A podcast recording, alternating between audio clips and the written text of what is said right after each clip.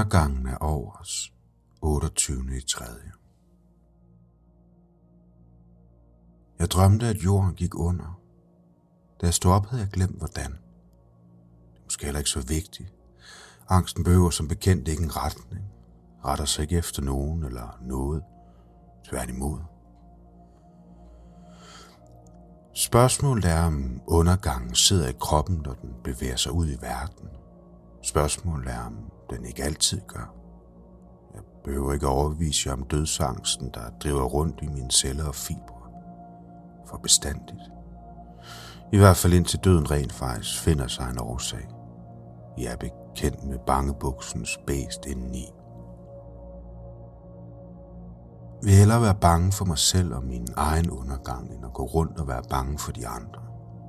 Men sandheden er jo, at der også findes den sociale af slagsen. Den, der kan få en til at bure sig ind i et tårn et år eller to. Fylde mere og mere og samtidig forsvinde. En form for magi, der ophæver fysikkens lov. Sandheden er jo, at jeg har trænet intensivt op til isolationen. Kender mig selv og mine knaster ud og ind. Intet overraskende der. Det skræmmende er at se alle de andre i det. Hvordan de går under, når de opdager sig selv. Går i spåner i støjen af stillhed. Opdager, at de har glemt at opdrage deres unger. At de er ulidelige. Ligesom dem selv. Under overfladen gemmer sig sandheden i alle facetter. Pipler frem her og der som græsstrå gennem asfalt. Alt er forandret. Eller alt er sig selv, men nu kan vi se det som det er. Og det føles forkert. Forvandlingen skete ikke i de tomme gader i den friske luft. Jorden har overlevet i milliarder uden mennesker i Manesien. så ikke ændringerne. Det skete alt sammen inden i os. Nogen så smokken stige. Andre opdagede, at de stod midt i nedturen. Det var svært at se sig frem for følelsernes tunge dis, der tågede for tankerne. Tog en væk fra samlingen for at opløses langsomt. Jeg føler med min artsfælder. Forbandet, at de ikke ved, at vi er forbundet. Kan tanker overføre. At vi kan dele smerten. Afbløde kurven ved at kommunikere. Afblæse apokalypsen ved at lytte til os selv og hinanden. Hvis vi alle tænkte på kærlighed og lå vores hjerter banke til samme slag, så ville kloden måske vende i sin bane, og vi ville brage afsted mod en anden skæbne, et andet sted mellem nye stjerner i en ny virkelighed. Kun fordi vi ville det. Men vil vi?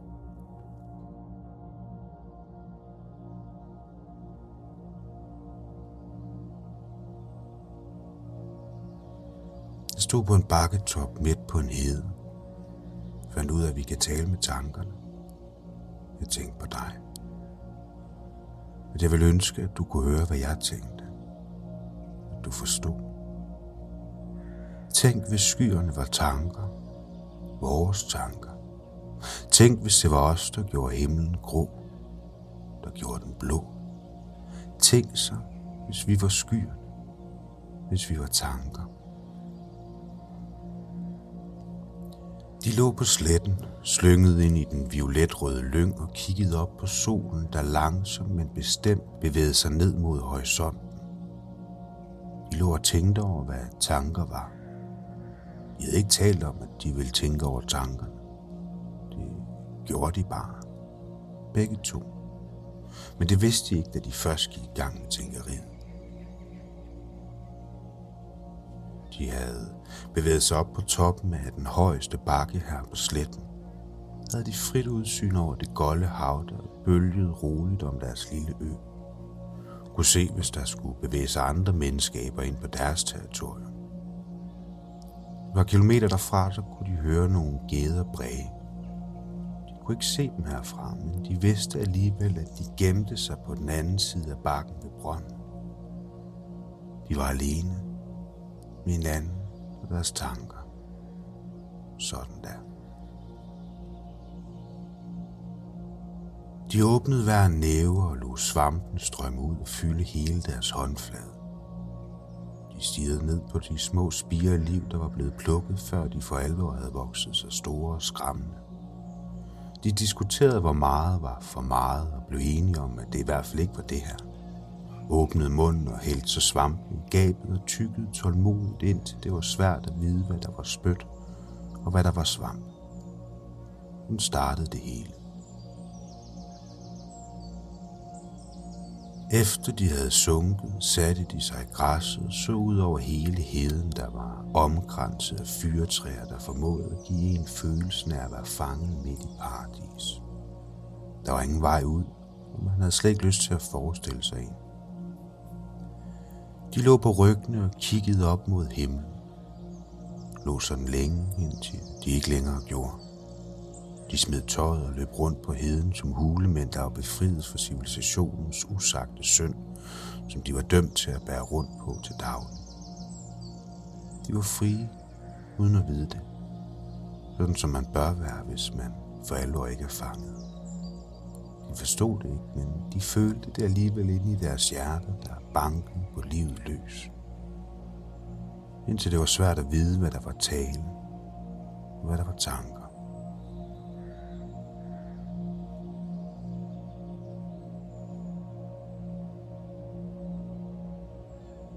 Tænk, hvis skyerne er tanker. Vores tanker, siger han. Jeg ser op på de få, der stadig svæver på himlen. Han fortæller mig, at der er skyfrit over på hans side af den. Lyn fra en skyfri himmel. Der svæver nogle store mørke over hos mig. Han påtaler dem. Energiudladningen rammer mig lige i solar plexus. Jeg lover at forsøge at få dem til at forsvinde og gøre et helhjertet forsøg med både mine hænder og mine tanker. Det hjælper lidt. Mens vi ligger der med ryggen mod kloden og blikket rettet mod det store alting, mærker jeg min plads i det hele. Mærker, hvordan jeg svæver rundt mellem skyer, stjerner, atomer og tanker. Jeg føler, at jeg er lige, hvor jeg skal være. På en planet, hvor der stadig er plads til os alle sammen. Plads til min ven, der ligger og forstår mig. Min familie, der forsøger med alt, hvad de er. Og en verden, der nok skal komme til det. Hvis bare til at vise, hvem jeg er.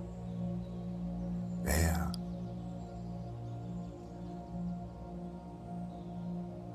Jeg så tro. Alting går, hvis bare man tror, det gør. Jeg har snedet de ord ind i nærmest alle mine tekster og tanker. I små variationer selvfølgelig. Men jeg forstår først nu, at det hele tiden har været henvendt til mig selv. Jeg har hele tiden troet på, at det handlede om at tro. Men jeg tror ikke rigtigt, at jeg turde tro sådan rigtigt på det. Før nu, mens jeg ligger på ryggen og bare er. Jeg ligger og stiger på en sky, der ligner en vandmand, der langsomt pulserer igennem det store himmelhav. Jeg fortæller ham, hvad jeg ser. Han fortæller, hvad han ser. Vi overgiver os langsomt til stillheden, til hinanden, til tankerne. Jeg tænker på, at det hele bare er en lang en af slagsen. Fra jeg står op til at gå i seng Jeg tænkte sådan før. Tanken har skræmt mig før. Tanken om, at det hele bare er en tanke. Jeg tænker på, at hvis evigheden findes, så må det være det her. Kigger over på min ven, der ligger i lyngen ved siden af mig. Tænker på, at han ser glad ud. At jeg er det. Tænker på, at det er lang tid siden, vi har sagt noget til hinanden. Mens jeg skriver dette, tænker jeg på de mange tanker, jeg har haft gennem tiden om, at vi tænker mere, end vi taler. I Prag, i parker, på værelser. Tænker over, hvordan det har skræmt mig. Ikke tankerne, men manglen på tale, stilhed. Jeg har tolket det som mangel på samhørighed. En forsvinde en af slagsen. Mellem ham og mig. Mellem du og jeg. Jeg ved, mens vi ligger der, at vi hører sammen. At vi altid har gjort. At vi altid vil gøre det. At vi alle sammen hører sammen. Men jeg tænker det ikke. Jeg ved det bare. Jeg tænker på, om jeg skal bryde stillheden, tale til ham. Samtidig hænger jeg fast i tanken om, at det hele bare er en tanke. Jeg tænker over, at jeg egentlig har en temmelig stor tankestrøm kørende. Jeg har ikke lyst til at bryde den. Slet ikke med tale. Jeg bestemmer mig for at blive i den. Holde ud og holde ved. Jeg bliver, hvor jeg er. På denne planet. I denne tanke.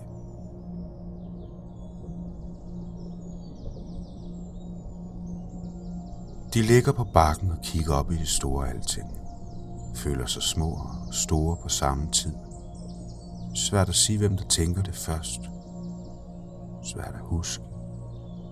Især når man har forsøgt at glemme. Brugt flere forsøg på at fortrænge. Men noget siger mig, at svaret ligger i det, der skete efter. Spørgsmålet ligger hvem, og slet ikke hvornår. At det alt sammen kommer ud på et. Afklædt, iført spidse hatte, ligger jeg og stiger op i solen. Hvis det ikke har forstået, at vi er midt i september. Samtidig så forstår jeg det hele på én gang. Overmandens er en formløs følelse af opløsning, samling, skabelse og tilintetgørelse på samme tid. Knejser, lander på knæene i lyngen, kæmper for at få vejret igen – held. Løber min vej, sidder alene tilbage på toppen, splittet i to, men for første gang en. Senere står jeg foran spejlet for at minde mig selv om, hvem jeg er. At jeg er. Ringer til min mor. Bare for at høre hendes stemme. For at skabe en form for forbindelse til mig selv. Til verden. Hun er det eneste bevis for, at jeg findes. Hun har båret mig. Været forbundet via en bindevævstrang, mens jeg endnu var et ufødt foster. Hun troede på, at jeg fandtes længe før jeg gjorde det. Hun er det eneste, jeg kan stole på. Men forbindelsen er dårlig. Hun forstår ikke, hvad jeg vil. Ordene, der kommer ud. Måske hører hun panikken i min stemme, men ved ikke, hvad hun skal sige. Hun lader være.